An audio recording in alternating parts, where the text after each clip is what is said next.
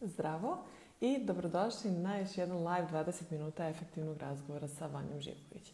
Ovo je podcast u okviru Space Girl ženskog coworking prostora iz Novog Sada.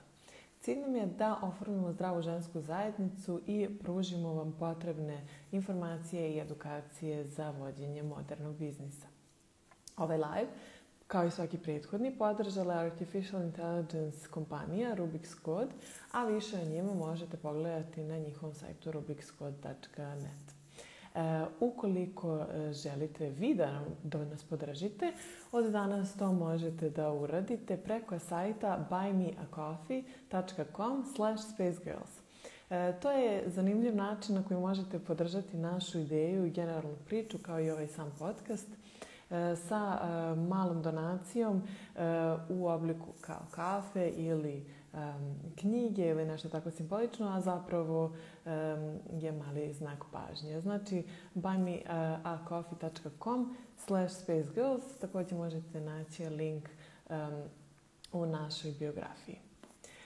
Moja današnja gošća je Monika Varga, nutricionista koja je master studije završila u Gentu u Belgiji, a specijalizaciju za sportski nutricionizam u Portugalu.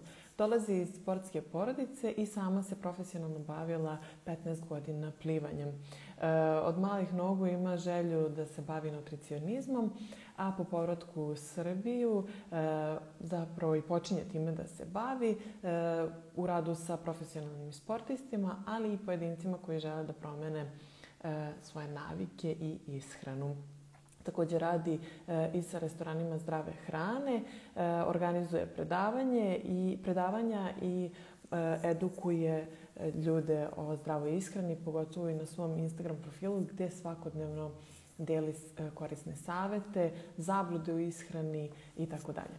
E, ja ću se sada povezati sa Monikom i nastaviti ovu veoma zanimljivu priču i mislim da će, da će vam biti jako Potrudit ćemo se da na neki jednostavan način sve to objasnimo i damo neke jednostavne primere koje možemo da upotrebimo u svakodnevnici. Ćao Monika, dobrodošla. E, ćao, čao. Ja se čujemo dobro? A, ja tebe čujem. Da li ti mene čuješ? Super, te čujem i vidim i sve super. E, super, odlično. E, ništa, ja bih odmah krenula sa pitanjima. Ja, dobro, hvala ti pre svega na lepoj najavi. e, molim, e, to sam onako preuzela sa interneta, tako da ovaj, hvala ti što si to sve tako uh, napisala. Um, ja bih htjela prvo da počnemo zapravo od početka, da nam ispričaš um, odakle želja i ljubav prema nutricionizmu.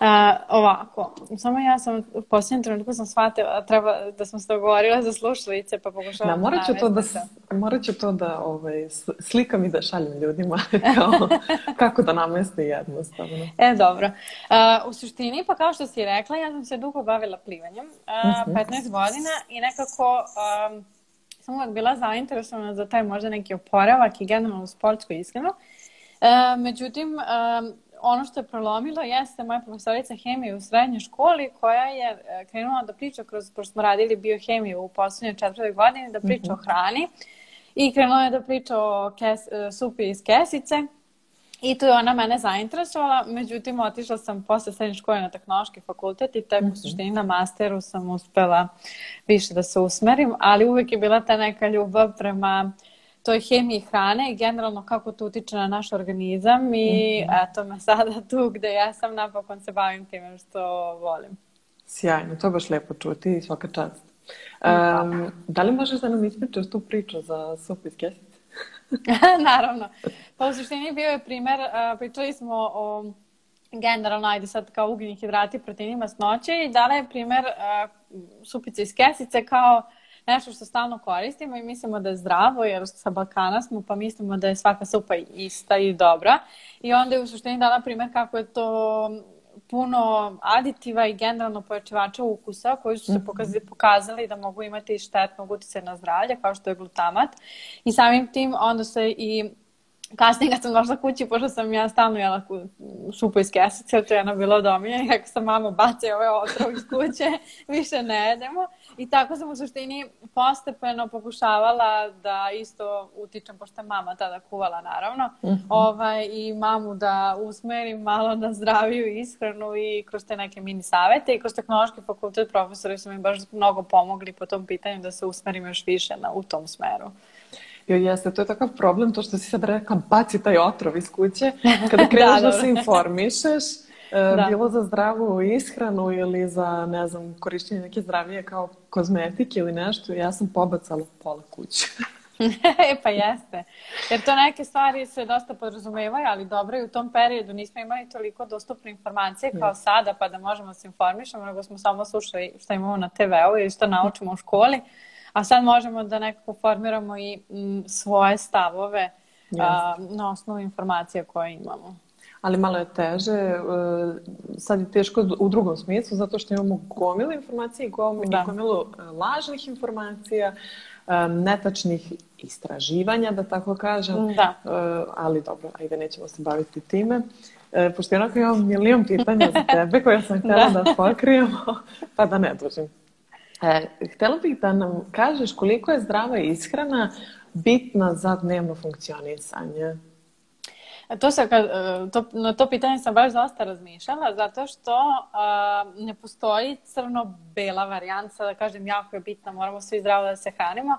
Bitno je da, naravno da je bitno u svim aspektima, od našeg dnevnog funkcionisanja, pa bitna je naravno i za sport, za fizičku aktivnost, za reproduktivno zdravlje, za generalno zdravlje, pravilna ishrana jeste važna.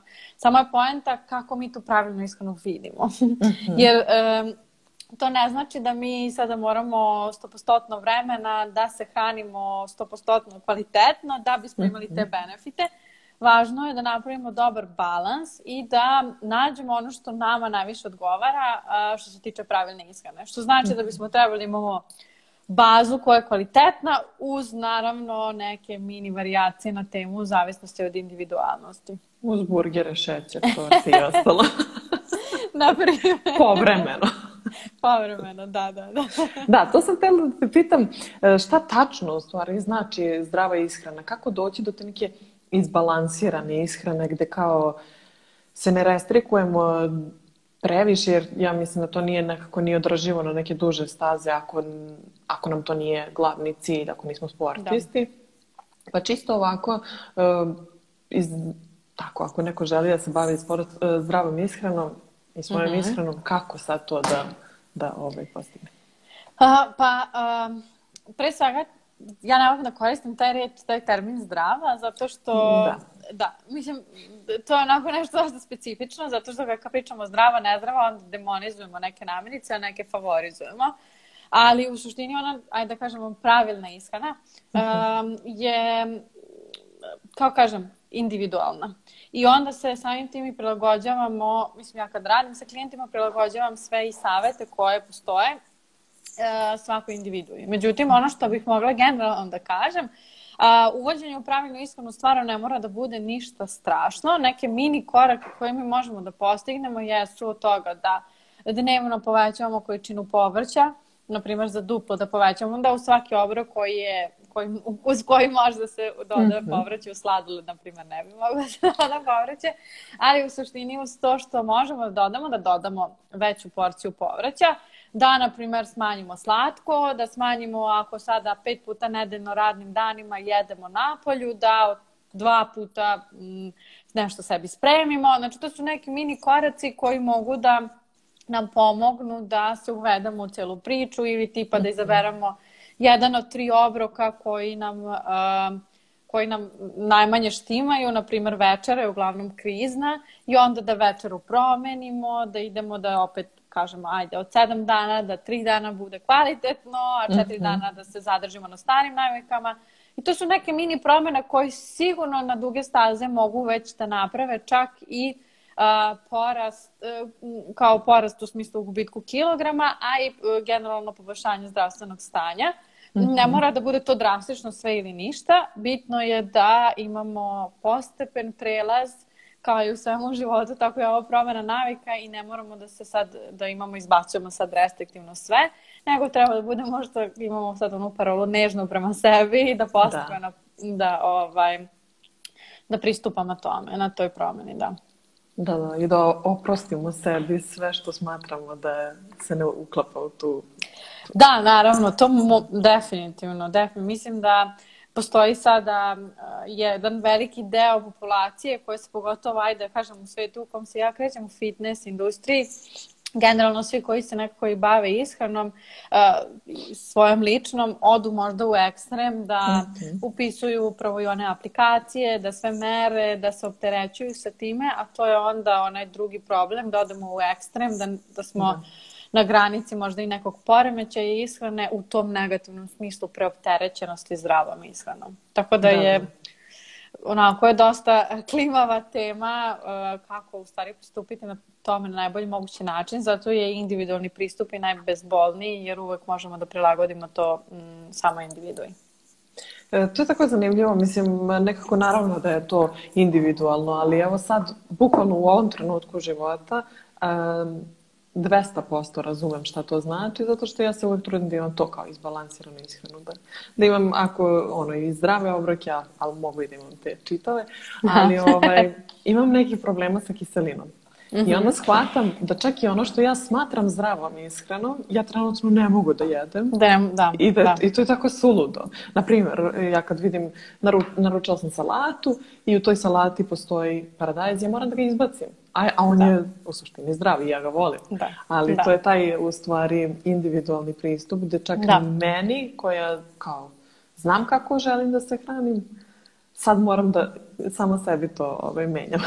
Da, to je ono što ja uvijek se trudim i kada pišem na Instagramu i generalno ovako, uvijek da naglasim da postoje pravila za zdrav gastrointestinalni sistem i za onda postoje naravno individualne smjernice za osobe koje imaju problema ili sa kiselinom ili sa um, ovaj, cevima ili da. bilo kojim problemom. Tako da ako je gastritis, ono nažalost što moraš da izbaciš jeste definitivno Uh, ajde, ako kažem generalno, to je paradajz, paradajz da, sok, da, da. kafa na prazan stomak, nikako limunada, nikako na prazan stomak, paprika takođe može da ti smeta. Paprika mi je tako, tako me u srce ubola. da. Ali da, da, jer kao crvena da. paprika, ona je kao slatka u stvari, kisela, koliko, koliko imamo mm. neke predrasude prema hrani. Mislim, nisu to ni predrasude, to su samo neka ustaljena mišljenja, kao crvena paprika je slatka. I onda ja sad da. pet, pet dana shvatim da nije. da nije, da. A reci da, mi, da. Ovaj, um, kada neko želi da ima neke rezultate što se tiče kilograma -hmm. i tako dalje, da li je e, pravilna ishrana dovoljna ili je potrebno i ubaciti neku fizičku aktivnost? Pa, eto, ako možete o tome nešto da Ovo je onako što me uvek klijenti pitaju. Uh, u suštini za gubitak kilograma nije potrebna fizička aktivnost, mm -hmm. ali kvalitetan gubitak kilograma iziskuje, odnosno kvalitetni gubitak kilograma iziskuje uh, i neku fizičku aktivnost. Kad kažem kvalitetni, to znači da sačuvamo lokomotorni aparat, odnosno mišićnu masu, a da mhm. gubimo ono što svima smeta, a to je masnoća. I to će se uglavnom desiti više kada treniramo, znači taj kvalitetan gubitak, a kada ne treniramo svako će se gubitak desiti, ali verovatno manje kvaliteta. Tako da je u suštini zavisnosti šta osoba želi, odnosno koji je fokus, koliko imamo kilograma da izgubimo, ali ako pričamo kad neko ima više kilograma, imamo gojaznu ili pre, sa prekomernom težinom, onda možemo samo da uključimo i um, ovaj, broj koraka ali ja se uvek trudim da nikakve savete ne dajem što se tiče fizičke aktivnosti, zato što je to moja, nije moja uh, sfera, pa onda imam preporuku naravno za dobre trenere u Novom Sadu i u Beogradu. A jel to ovaj, znači to što je kao, ajde da kažemo nekvalitetnije, da li to ima neke veze i sa vremenom gubitka kilograma ili u smislu da će duže trebati samo ishranom ili, ili tako nešto? U suštini ne, nego ima, uh, mislim, ima veze sa tom brzinom gubitka kilograma, da, ali ima veze sa tim da trening, uh, sad nadam se da me neko trener gleda da će se složiti sa tim, u suštini da trening potpomaže stimulaciju mišićne mase i kad imamo dobru stimulaciju mišićne mase, onda i samim tim i bolje možemo da targetiramo gubitak masnog tkiva. Mm -hmm. To je u suštini taj, jer ako smo mi sedentarni i nemamo dovoljno pokreta i sve to, samim tim, zato što se mišići mnogo lakše gube, onda možemo da očekujemo i veći pad mišićne mase. Da, znam to kad se napravi pauza od treninga koliko se brzo izgubi. da, da, da, da, da, da. da. A hvala Bogu mišići pamte. To je da. ovo, ohrabrujuće. da, da, da. A da li, pošto se ti na svom Instagram profilu često baviš zabludama i to je onako mm -hmm. baš interesantna tema i um, kao što sam rekla, mi ih imamo baš puno tako nekih ustaljenih mišljenja o hrani. Da, da li možda nam kažeš par nekih najzanimljivijih koje ti smatraš da su najzanimljiviji? Uf, to je baš teško, zato što sam dosta subjektivna po tom pitanju. Ili što A, najčešće čuješ možda od drugih e, pa, ljudi? Da. Uh, što, se, da, što se tiče uh, velikih zabluda jeste izbacivanje uh, hleba, uh, odnosno mm -hmm. hleba kao glavnog krivca za dobijanje ili gubitak telesne mase. da, to je baš onako jedna zabluda. Takođe isto um, timing, odnosno vreme, vreme, da, vreme uzimanja vode, odnosno koliko -hmm. treba voda da bude u razmaku od obroka, posle, za vreme i tako dalje. I to je stvarno ovaj, ogromna zabluda i primetila sam zbog svojih hrvatskih kolega nutricionista da nije samo kod nas, nego da je i kod njih. Jeste. Ali sad je jedan eh, kolega iz Hrvatske baš to lepo objasnio E, ovaj, u suštini bi trebali da popijemo 50 litara vode a, pre nego što, pre, pre dobrog, da bi se u stvari ta želudačna kiselina a, ovaj, stvarno rastvorila. Tako da je to 50 litara i on je baš uradio znači, neku... Znači to da uradim. Da. pa ako možeš da popiješ 50 litara vode. Tako da je u suštini dosta ima zabuda koje... E, na oko deluju dosta uh, primamljivo, odnosno jako lako se objasne sa tim uh, pogrešnim uh, pretpostavkama, -hmm. ali u suštini kada se zađe u nauku, hemiju, biohemiju, to je sve mnogo kompleksnije, zato što je naš organizam stvarno jedna kompleksna mašina i ne, ne, ne, pot, ne potpada pod tako lake promene kao što mi mislimo. Mm -hmm. A, šta još ima? Pa generalno vezano za uh, na Balkanu obrok bez mesa nije obrok. Da.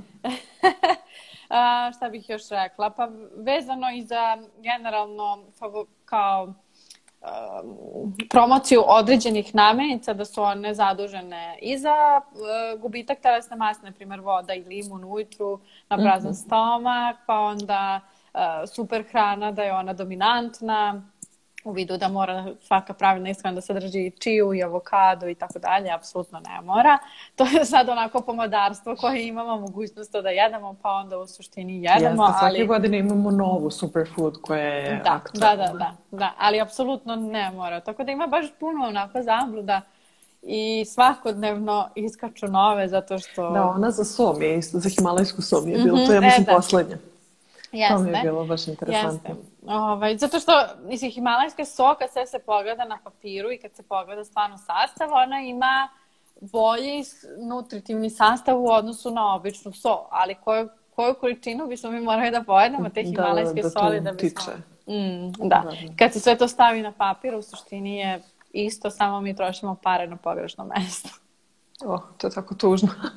Pa jeste. Ja sam imala, uh, moja baka, to je, još sam bila na, na fakultetu tehnološkom, ona je pala pod marketinški trik, a, kupila je suncokretovo ulje bez holesterola. -hmm.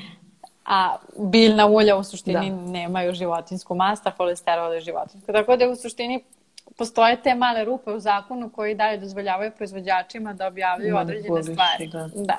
I da manipulišu sa izborom potrošača. Da, ja bi se sad onako osvrnula na te neke kao popularne stvari. Imam baš mm -hmm. par pitanja vezano za te stvari koje nekako su vrlo rasprostranjene i svi su nekad čuli ili implementirali to u svoju ishranu. Između ostalog, znači pet belih smrti. Dobro. Koji se čak tako i srpski dramatično zovu. da li možeš da nam uh, razbiješ taj mit ili da nam kažeš svoje mišljenje o tome svakako mm -hmm. i to?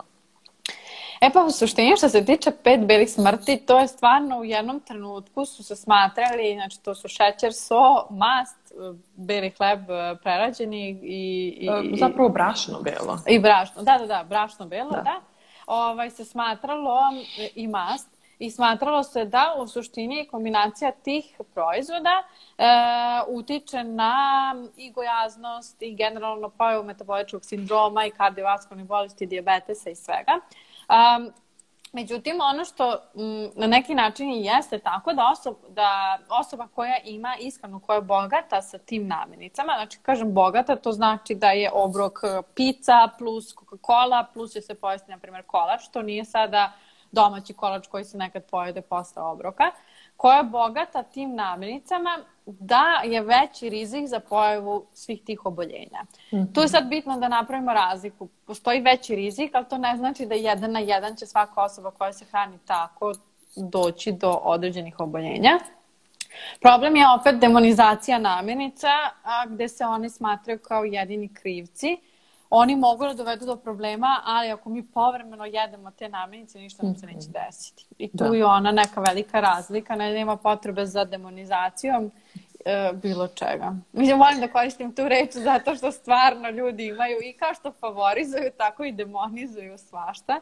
Da. I onda mi je uh, nekad nekih namirnica jako žao. Da, zajedno. e, a ovaj, šta se dešava sa šećerom? Generalno Dobro. svakom nekom vrstom šećera, mislim uh, industrijskom. Mm -hmm. Ne mislim na, na ovaj prirodni šećer koji dolazi iz namirnica, mm -hmm. nego, eto, bilo što. Uh, ono što je problem sa šećerom, glavni problem jeste da on nalazi u velikom broju namirnica za koje mi nismo ni svesni mm i lako možemo da preteramo sa unosom šećera u toku jednog dana ako koristimo industrijsku prerađenu hranu. Pa čak, na primjer, ako kupimo i ona gotova jela, na primjer pasulj ili, ne znam, grašak, one u konzervi ili nešto, ne mislim na konzervirane mahunarke, nego ono kad se da, dobije da, da, sa kobasicom i to sve gotova da. jela, tu isto ima velika količina šećera. Takođe i u pripremi hrane, nekad u fast food restoranima, postoji jako velika količina šećera, plus onda Coca-Cola, plus sve ostalo. Problem je koncentracija šećera u jednom obroku ili u jednom danu. I onda to dovodi u suštini do velikih problema sa zdravljem i gojaznošću, zato što su to prazne kalorije. Mm -hmm. e, I onda kada pričamo o normalno generalnoj populaciji i generalno sedentarnom načinu života, onda šećer predstavlja problem. Mm -hmm predstavlja u tom smislu da preterujemo sa njim i da generalno imamo tendenciju da preterujemo sa, sa šećerom i sa slatkišima i sa sodama kao gaziranim pićima mm -hmm. i, i generalno, ajde da kažemo, svim namirnicama koje su bogata šećerom. U, u momentu kada mi to stavimo u neki balans, odnosno kada mi m, mm, imamo umereni unos čak i prerađenog šećera, to ne, treba, ne bi trebalo da nam predstavlja problem, ali naravno da zavisi kako nam je ishrana kvalitetna. Ako nam je ishrana niskog kvaliteta, onda i manja količina šećera može da dovede do problema, ali ako nam je ishrana bogata i voćem i povrćem i mahunarkama i mesom i mlečnim proizvodima i ribom i tako dalje tako dalje, e onda manja količina šećera ne bi trebalo da ima nikakav problem. Ja sam, na primjer, uh, ono što je meni interesantno sa šećerom, ja dok sam imala tu neku fazu gde sam imala neki fitness cilj, E, pokušala sam da izbacim skroz šećer. E, mislim, svesni šećer, sad naravno kroz neke mm -hmm. proizvode, pa mislim ono, bukvalno u svakom industrijskom pro proizvodu ima šećera, ali eto, kao svesni da. unos šećera sam izbacila. Posle toga sam jednom pojela neke palačinke sa nekim čokoladnim sirupom. Ja nisam mogla da se umirim 5 sati. Znači, moje mhm. tijelo je bukvalno krenulo da ima fizičku reakciju na šećer kao deca što je imaju. To mi je bilo da. toliko fascinantno da od da. tada nekako mnogo svesnije uh, unosim šećer. Še, da, da, da. Pogotovo Zato što je to... da, da, da, nećeš spavati. Um, u suštini, poenta glukoze jeste da je to osnovno gorivo za naš mozak i za naše mišiće. I u sportskom nutricionizmu se upravo ta, to svojstvo glukoza, odnosno prostog šećera i koristi. Mm -hmm. um, I zato je i problem kada sedentarna osoba to koristi svakodnevno i, i onda imate pikove uh, visoke aktivnosti, odnosno visoke aktivnosti u smislu umne ili ima osjećaj da je hiperaktivno od doze šećera i onda ima pad kada se spava. To je u suštini taj skok insulina koji je jako visok.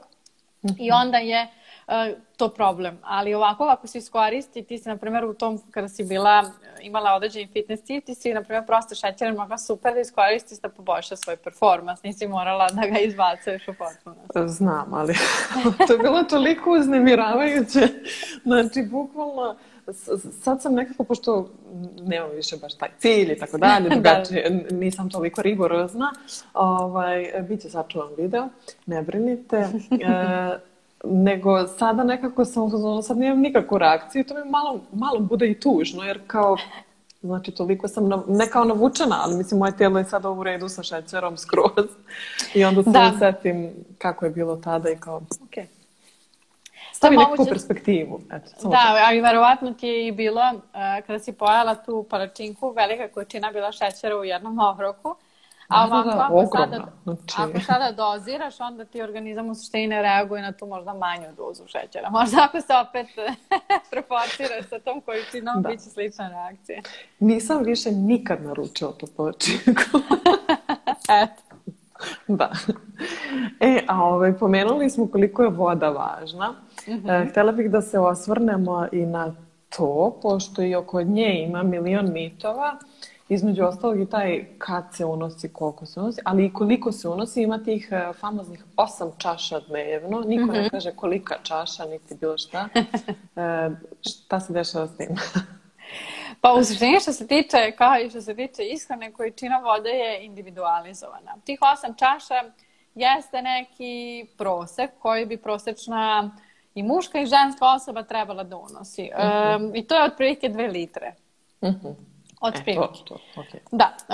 E, e sada, ono što se zaboravlja jeste često unos koji mi imamo tečnosti kroz voće, povrće, mm -hmm. kroz čajeve, kroz mleku u kafi, kafu generalno.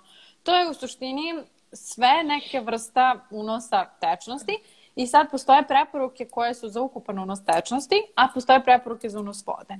Za unos vode bi i samo vode. Znači, to nije ono što da. dolazi iz hrane. To bi trebalo otprilike da bude, ajde opet generalizovano, litra i po barem iz vode, plus još nekih litar od prilike, da kažemo, da se sad ne idemo u detalje, ali u suštini mhm. da bi to trebalo da ide iz voća i povrća.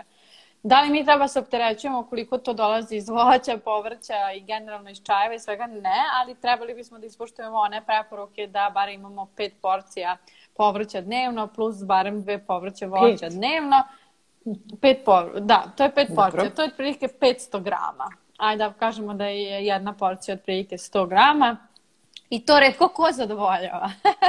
to je nešto što da, je to je dosta zapravo. To je dosta, da, da. da. To je dosta i uh, ako mogu kažem iz iskustva, ako klijentima nešto najteže pada, to je da zadovolje unos povrća.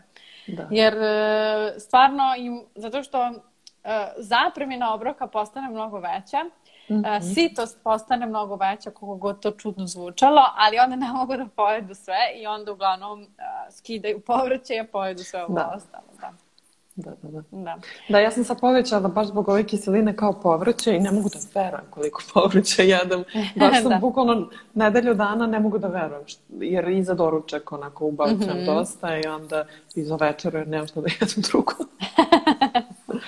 Tako da da. Da, ali je, jeste, važno je i onda je preporuka jeste i kada se ubaci u to fizičko aktivnost što se tiče vode, onda se po, posebno obraća pažnja i na unos vode za vreme treninga. Uh, A, mhm. gde, na primjer, kod treninga teretane isto može da se odredi koja količina bi trebalo da se popije za vreme treninga, a onda kad imamo i rekreativne trkače, odnosno onim koji se bave trčanjem, e onda tu se baš treba obratiti pažnju na dobru hidraciju. Mm -hmm. A, da, ali niko neće pogrešiti ako a, dve litre pije dnevno. A jel postoji neka gornja granica? Mislim, teško da će neko dostići, ali jel, jel postoji? Um, Tačan podatak nemam, odnosno mhm. stvarno ne znam da kažem sada koji bi bio tačan podatak gornje granice. Sigurno postoji, zato što za sve postoji gornja granica, ali je ona stvarno individualna. Zato što, na primjer, muška osoba koja trenira i koja ima veliku mišićnu masu, ona ima, mislim, on bi u sebi imao mnogo veću tečnost, količinu tečnosti generalno, pa samim tim i veću potrebu. Naprimjer, kod mhm. gojaznih osoba ženskog pola, voda koja se nalazi u telu je manja, pa je samim tim i potreba koju one imaju manja i samim tim i gornja granica je manja. Tako da imamo sad tu ovaj, da. opet tu individualnost. I ako mogu kažem da je nešto što je najteže odrediti pravilno klijentu jeste unos vode. Zato što ne postoje nikakve formule niti bilo šta, nego postoji samo individualna procena i klijenta i nutricioniste. I Gatorade, na primjer, sada to je jedna jako ozbiljna, ozbiljan institut koji se bavi hidracijom, hoće da razviju neke kao flastere koji će na sebi imati u suštini nivo teč, kao neke kanale i pomoću tih mhm. kanala i aplikacije će se moći odrediti nivo tečnosti koji nam je potreban u toku dana. Zanimljivo. I to je onako dosta, dosta individualan pristup.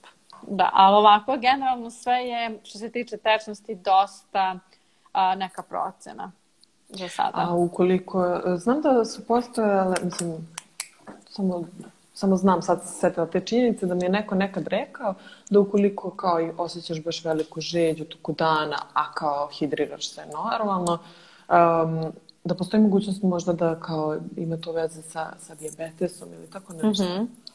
A, da, ja sam čula za to. Ali u suštini, da, to je jedna od nuspojava diabetesa generalno.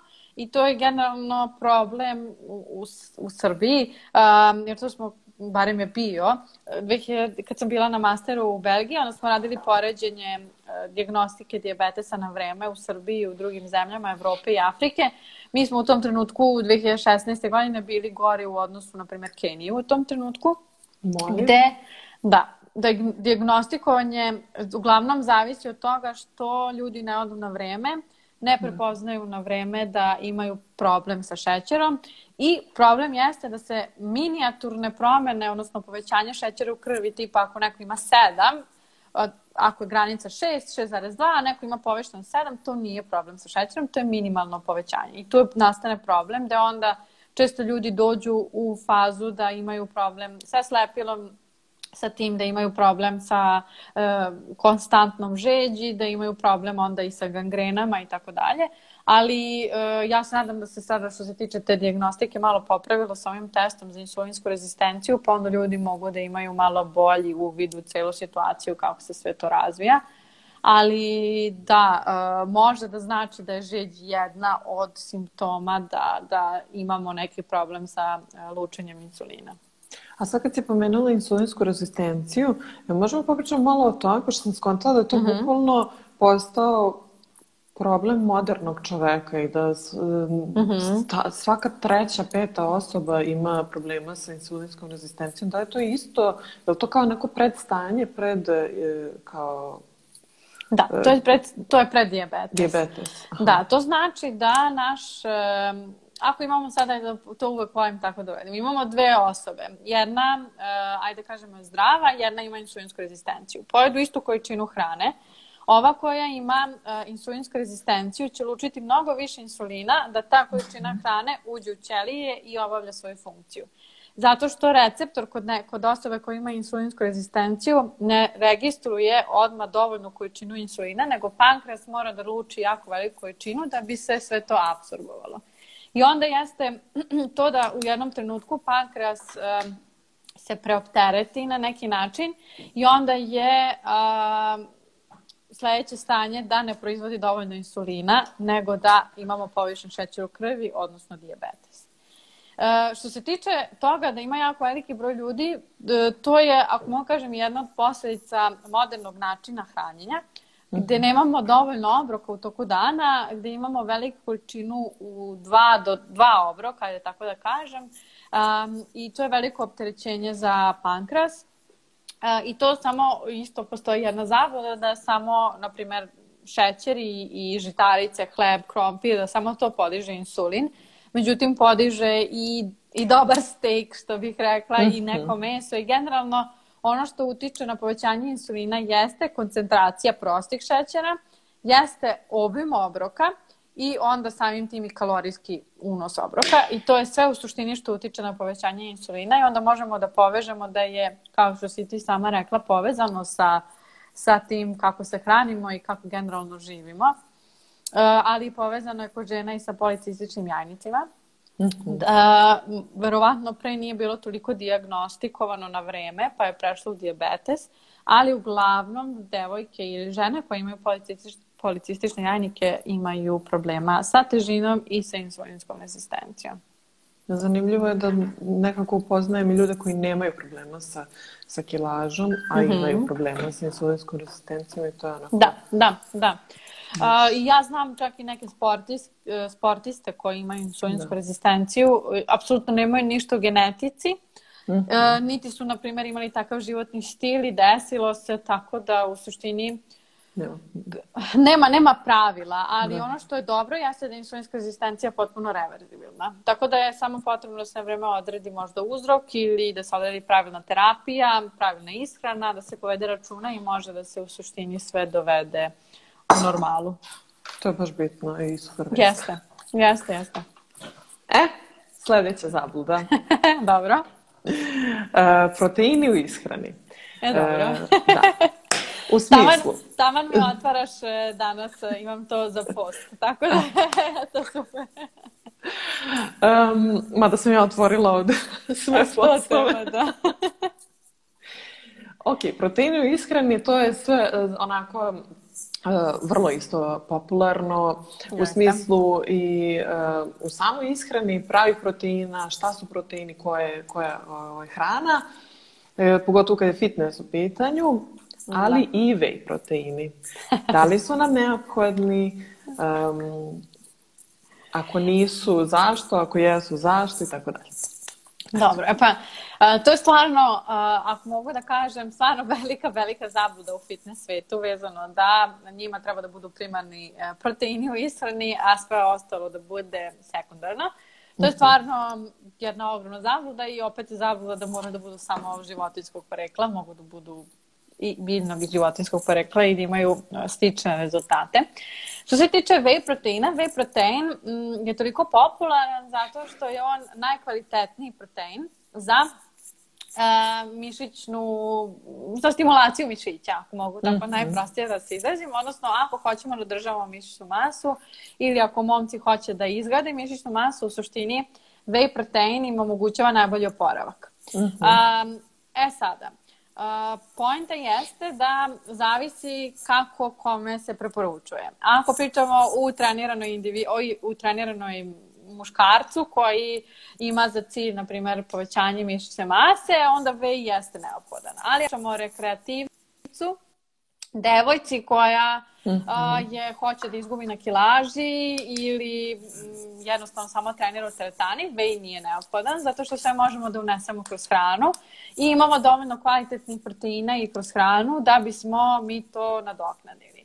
Mm -hmm. Kada se određuje da li nam je potreban vej ili ne, gledamo vreme oporavka između treninga. Mi uglavnom, ajde, prosek jeste da imamo 3 do 4 treninga, rekreativac, i samim tim imamo više od 24 sata između dva treninga i onda Vej mm -hmm. tu ne igra neku veliku ulogu. Mi njega možemo nekad povremeno ubacivati u neke slatkiše ili tako, ali mm, kako da kažem, ima toliko drugih stvari koje da, da. mogu biti njegova nekakav substitut. Um, tako da bi moj odgovor bio za prosječnog rekreativca nije potrebno, ali ako rekreativac postane neki redovan vežbač ili kod profesionalnog sporta, a, imamo veću potrebu za suplementima zato što nemamo dovoljno vremena za oporavak, nemamo dovoljno vremena za dovoljnu količinu hrane da se unese u toku dana, mm -hmm. tako da je m, mm, tako da opet ne postoji e, samo jedna strana, nego sve zavisi. Ali po meni je podignut u nebo jako zato što a, svi misle ako piju bej sad će biti super i izgubit ću kilažu i, i, i onda ću i povećati mišićnu masu i sve, ali to je samo kao jagoda na, na torti. Mm -hmm. um, to samo potpomaže, ali ako mi nemamo dobar san, dobar trening um, i dobru da. ishranu, vej neće tu ništa uraditi. Evo i ovako, uh, usred uh, ovog live moram da ti se zahvalim što si tako detaljna i što daješ tako uh, potpune odgovore na sva, pitanja. e, drago mi je, dobro. um, e, sledeća zabluda. Gluten. Mm. Dobro. da. Da li uh, je gluten loš? Uh, šta je gluten? I um, da li stvarno postoji toliko ljudi koji imaju sad problema sa glutenom ili je to samo ovaj, zato? Uh, ja ću ispričati sad za početak jednu anegdotu gde, je, uh, gde sam bila kada sam bila u Belgiji. Uh, profesor hemije hrane nam je pričao o svim alergenima i gluten jeste jedan od alergena. I onda je pitao da li ima neko sa Balkana. Ja se javim, da li ima neko iz Srbije. Ja se javim, kažem, e, zahvaljujući, Đo, e, zahvaljujući Novaku Đokoviću imamo problem sa industrijom pšenice. Zato što je demonizovao, opet reč demonizovao, gluten. Da, on je baš demonizovan. Jeste. Um, problem jeste da nemaju, nema toliki veliki broj ljudi koji ima stvarno problem sa glutenom i imamo dva različita problema. Imamo, ako mogu tako da se izrazim, celijakiju, to je u stvari baš reakcija imunog sistema na gluten. A, gluten mm -hmm. je protein pšenice. A, I imamo intoleranciju na gluten koja može da se javi u vidu nadimanja ili u vidu, na primjer, reakcije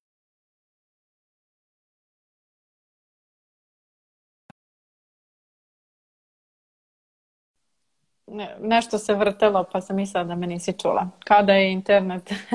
Nisam te čula. Ovaj, Nisam. E, dobro. u suštini postoje dva, dve osnovne reakcije na gluten. To je alergijska reakcija, to je reakcija imunog sistema.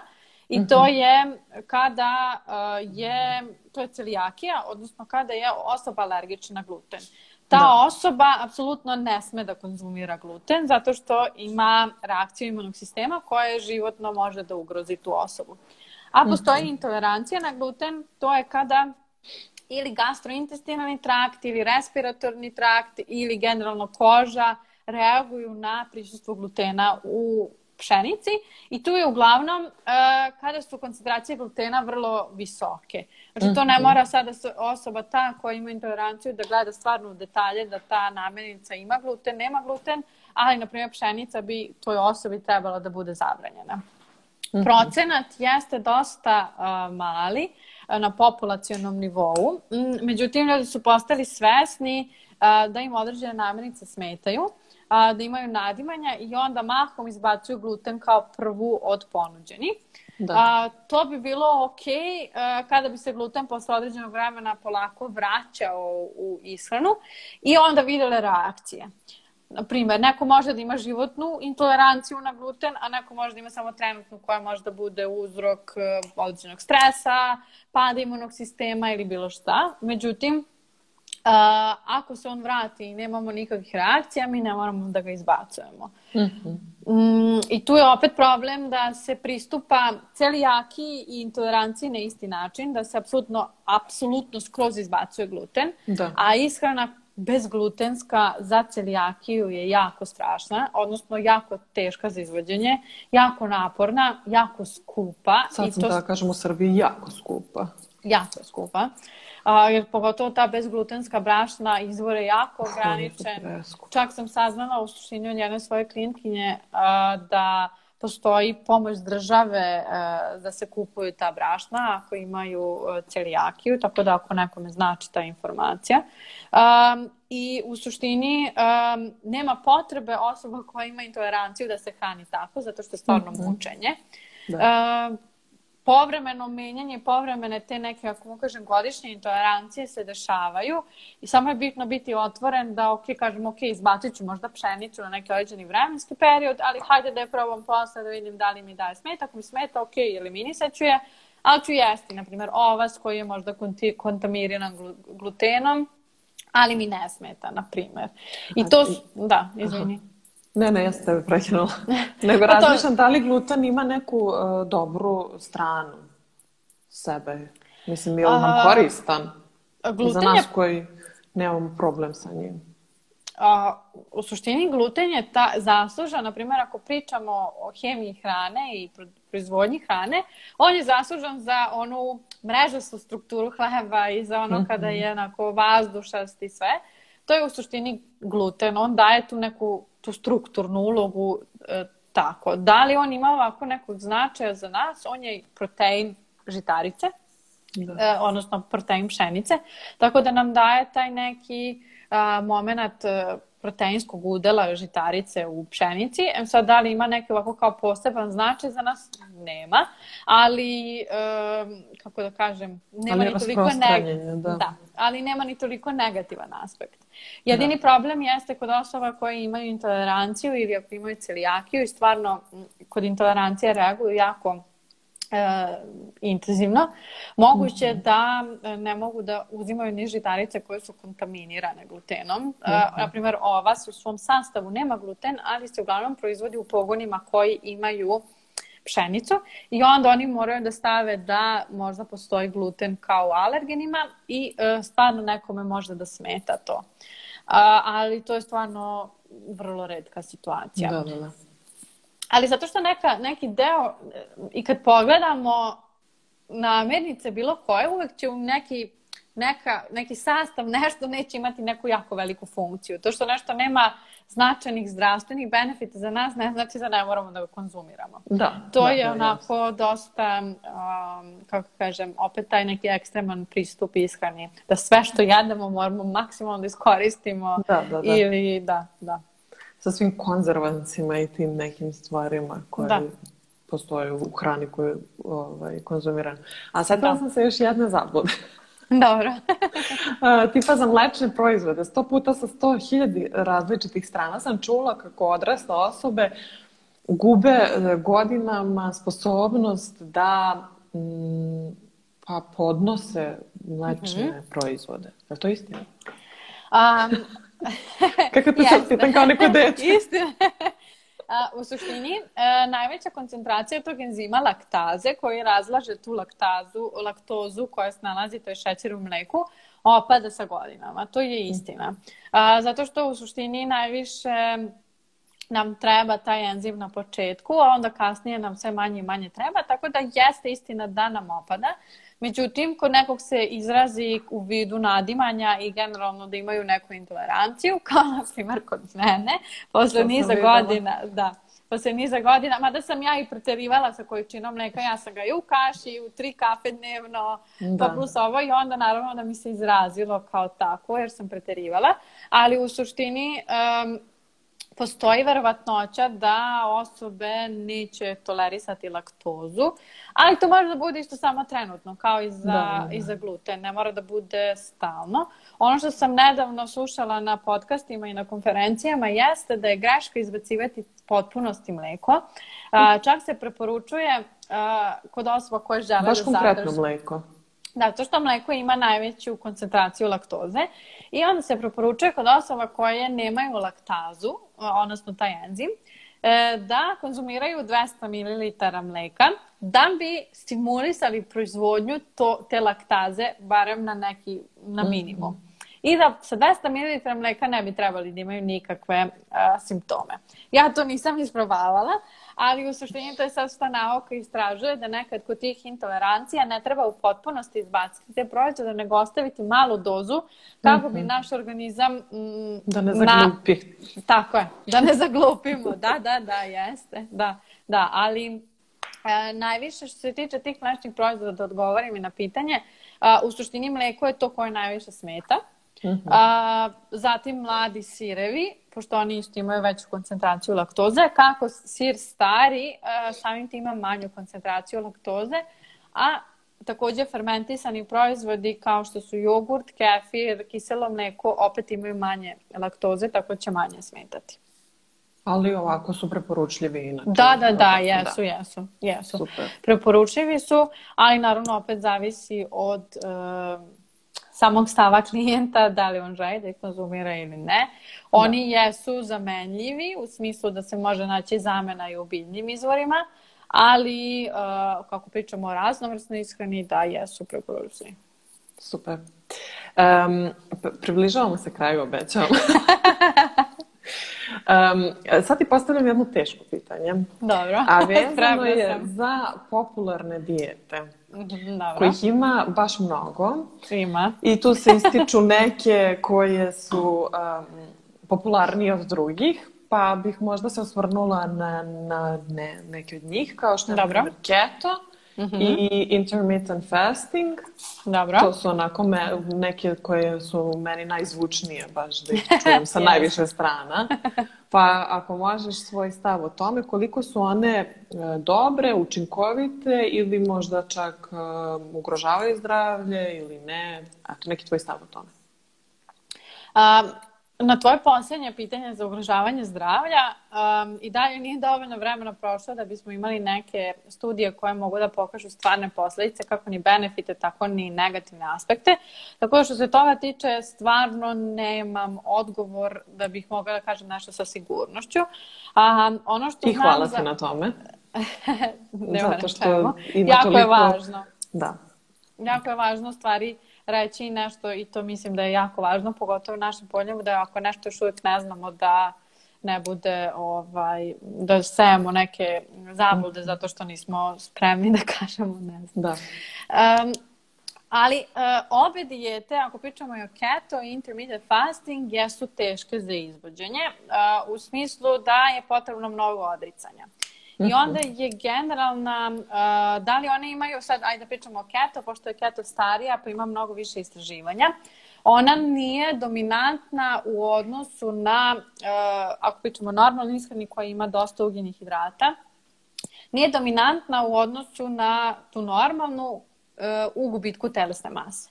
Tako da ako mi držimo proteine, znači meso, mlečne proizvode, ribu, jaja na istom nivou, a da imamo ili ugljene hidrate ili masnoće, rezultat će biti isti. Jedini, um, ako mu kažem, um, efekat koji keto ishrana ima jeste uh, početni brži gubitak kilograma, mm -hmm. zato što kada izbacimo ugljene hidrate, uh, glikogen iz mišića koji se nalazi um, u mišićima, to je ugljeni hidrat, on se prazni, ako mogu tako da se izrazim, i sa njim odlazi dosta vode.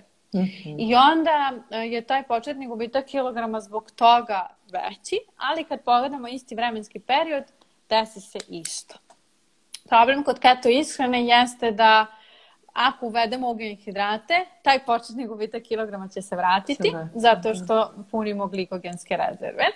Um, e sada, što se tiče samog izvođenja keto ishrane, za većinu ljudi keto ishrana jeste neizvodljiva, neizvodljiva na duge staze i nije održiva. Uh, ali nije ni održiva, što bih ja rekla, ni za životnu sredinu. Mm -hmm. I ako pričamo generalno o a, keto ishrani, po meni ja nikad ne bih uh, preporučivala baš zbog toga što uh, socijalno nije održiva, a ni ekološki nije održiva. Uh, jer te količine mesa koje se jedu su stvarno uh, strašne po tom pitanju. A što se tiče intermittent fastinga, uh, opet, ono što je jedna velika zabluda vezana za intermittent fasting jeste da u periodu, ako pričamo na primjer 16-8, uh -huh. da u periodu od tih 8 sati oni mogu da jedu sve, šta god, kad god uh, i da mogu da jedu džank i bit će... Tako je, tako je. Poenta je kod intermittent fastinga kao i kod bilo koje dijete. Uh, mora se ograničiti kalorijski unos ako želimo da smršamo i moramo da jedemo kvalitetnu hranu ako želimo da budemo zdravi. Da. Uh, poenta kod uh, intermittent fastinga jeste da opet uh, i dalje su istraživanja na nekom nivou životinja, uh, okay. kao laboratorijskom nivou i uh, za sada je ono što je potvrđeno jeste taj kao proof of concept, To znači da a, ima neke logike u tom intermittent fastingu, međutim da je to primenjivo na ljude, mm, to treba još godina da prođe da bi se mhm. stvarno a, videlo da li ima zdravstvenih benefita. Jer kada pričamo o gubitku da. kilograma, a, gubitak da, kilograma da, je samo zbog kalorijskog deficita. Da. Kad mi ograničimo vreme jela, To znači da automatski smanjujemo i prozor u kom ćemo da jedemo i količinu hrane i to su jedini benefiti. Ali onda opet kad se postavi to kalorijski deficit i to je to. Mm -hmm. Ja sam čitala da ono ima kao nekih veze, neke veze sa mm, proizvodnjom insulina, zapravo da kao svakim, svakim obrokom mi podstičemo proizvodnju insulina, pa kao mm -hmm. u tih 16 sati je insulin miran, pa kao da je to jedna od da to da, dobro utiče na... to jeste istina da, da može dobro da utiče na ceo hormonski status, ali problem jeste da ne problem, nego generalno pokazuju se ti benefiti sa 12 sati. Uh, mm -hmm. U smislu da 12 sati jedemo, 12 sati da ne jedemo i to kada pogledamo da su preporuke bile i pre da 2 do 3 sata pred spavanje ne bismo trebali da, da jedemo. Spavamo, preporuka je 7 do 8 sati, to je onda već 11 sati, plus pomerimo plus, možda da. doručak za sat vremena i tu smo.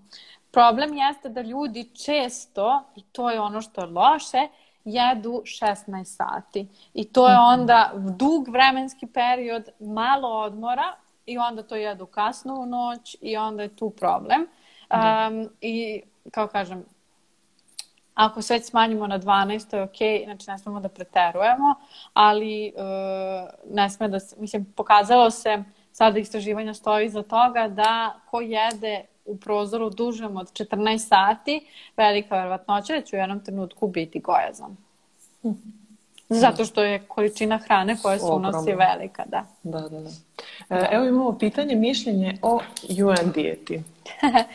A, dobro, a pokušat ću da budem dosta fina prema toj dijeti. Um, u suštini bilo kakvi takvi principi restriktivni su jako loši zato što apsolutno ne rade ni na kakvim navikama neki dani su prerestriktivni, neki su apsolutno nema smisla ta dijeta, niti bilo kakve te vojničke, bolničke i tako dalje. Um, uglavnom dovodi do velikih energetskih deficita koji onda dovode do velikog gubitka kilograma, pa su ljudi srećni, ali problem je to da se onda posle vrate starim navikama i onda je to jojo efekat i, i onda je priča ista. Onda opet ulazimo da. u ciklus i u, u, u dijete ponovo. Dobro, hvala ti. I za kraj. Dobro. poslednje. E, što se tiče dodatne suplementacije u smislu vitamina i mhm. tako mm -hmm. tih stvari. E, tvoje mišljenje o tome koliko je to neophodno, e, da li zaista možemo imati dovoljno raznovrsnu ishranu da to um, izbegnemo i to je to. Mm -hmm. E, to je super pitanje i s obzirom da se nalazimo u periodu pandemije gde se stvarno dosta suplemenata preporučuje, ja bih uh, mislim, postoji ono što je literaturno. Literaturno, uglavnom, svi autori i ako pričamo čak i o sportu, i onda ajde i o, i o uh, ajde sedentarnom, um, sedentarnoj populaciji, sve bi trebalo da može da se izvuče iz hrane. Pitanje je koliko je to praktično i da li stvarno svi mogu da izvuku iz hrane.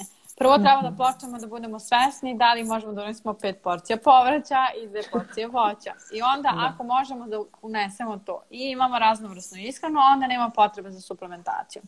U svakom drugom smislu, u svakom drugom, ajde da kažemo, obliku bi trebala neka suplementacija, ali suplementacija nikako ne bi trebala na svoju ruku da se uzima, nego bi trebala da se uradi analiza krvi ili savet sa lekarom opšte prakse, um, da se odredi suplementacija na osnovu zdravstvenog stanja.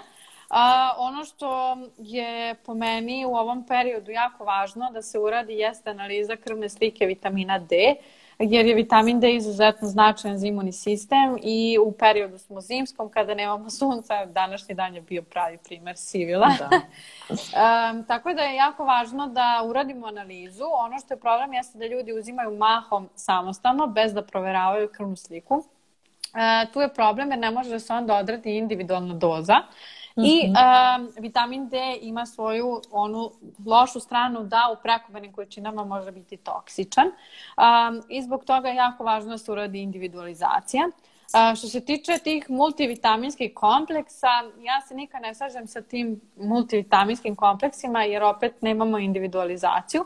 Zato je ako, na primjer, shvatimo da u razgovoru s nutricionistom, na primer, shvatimo da ne jedemo dovoljno, na primer, voća, povrća ili da nam možda fali neki mikronutrijent, onda bolje samo suplementacija njega ili mhm. povećanje hrane, a ne da uzimamo sad sve pa od viška glava ne boli. Tu u da. suštini kod suplementacije može da izazove i neke kontraefekte. Bol u da... glavi. u stvari da. Da, da. da, a i nekako su te doze u tim um, multivitaminima dosta niske. Imam utisak da čak i ako ti treba nešto, ne uzimaš dovoljno kroz te ovaj, multivitamine. Na primer, da. A na primer i dosta minerala ima i Mhm. negativan uticaj na jednu drugu apsorpciju. Naprimer, kalcijum utiče na gvožđe, tako da onda suplement koji sadrži kalcijum i gvožđe apsolutno Ne da funkcioniše. Tako da i ili cink i magnezijum a, u kombinaciji opet sa kalcijumom i u kombinaciji sa gvožđem opet imaju sličan efekat. Tako da Mhm. je jako nemaju, nisu svi sad minerali i vitamini da imaju sinergiju jedan sa drugim, nego čak Da. i negativno utiču jedan na Da, da. drugi. I onda, apsolutno nekad nema, kad ja pročitam šta se tamo ima, ja onda lepo kao, ok, evo izvoli Ne ovo, ovo. ne ovo, nego samo ovaj, neko Da. drugo. Individualno. Jeste da će biti možda više tableta, ali možda će biti efikasnije. E, imali smo još jedno pitanje i ovaj, onda završavamo, pošto će nas Dobro. Instagram prekinuti za bukvalno minut. E, mišljenje o postu. Mora da bude kratko, ali moramo da Mišljenje o postu. A, mislim da u Srbiji generalno imamo loš odnos prema tome da se baziramo samo na mm, testu, a, ali ako ubacimo dosta i mahunarki, sojnih proizvoda a, i generalno probamo da budemo vegani, vegetarijanci u tom periodu, mi že- može da bude stvarno super. Monika, divna si. Hvala ti puno na svim odgovorima. Hvala E, tebi. ovo je bilo toliko korisno i raznovrsno, baš kao što naša ishrana treba da bude. tako je, tako. Um, tako da na, hvala svima koji su ostali do kraja, e, iako je malo duže trajalo nego inače. Hvala ti još jednom na gostovanju i to je to. Hvala tebi puno, pa nadam se da se čujemo i vidimo. Takođe. Ćao! Ćao!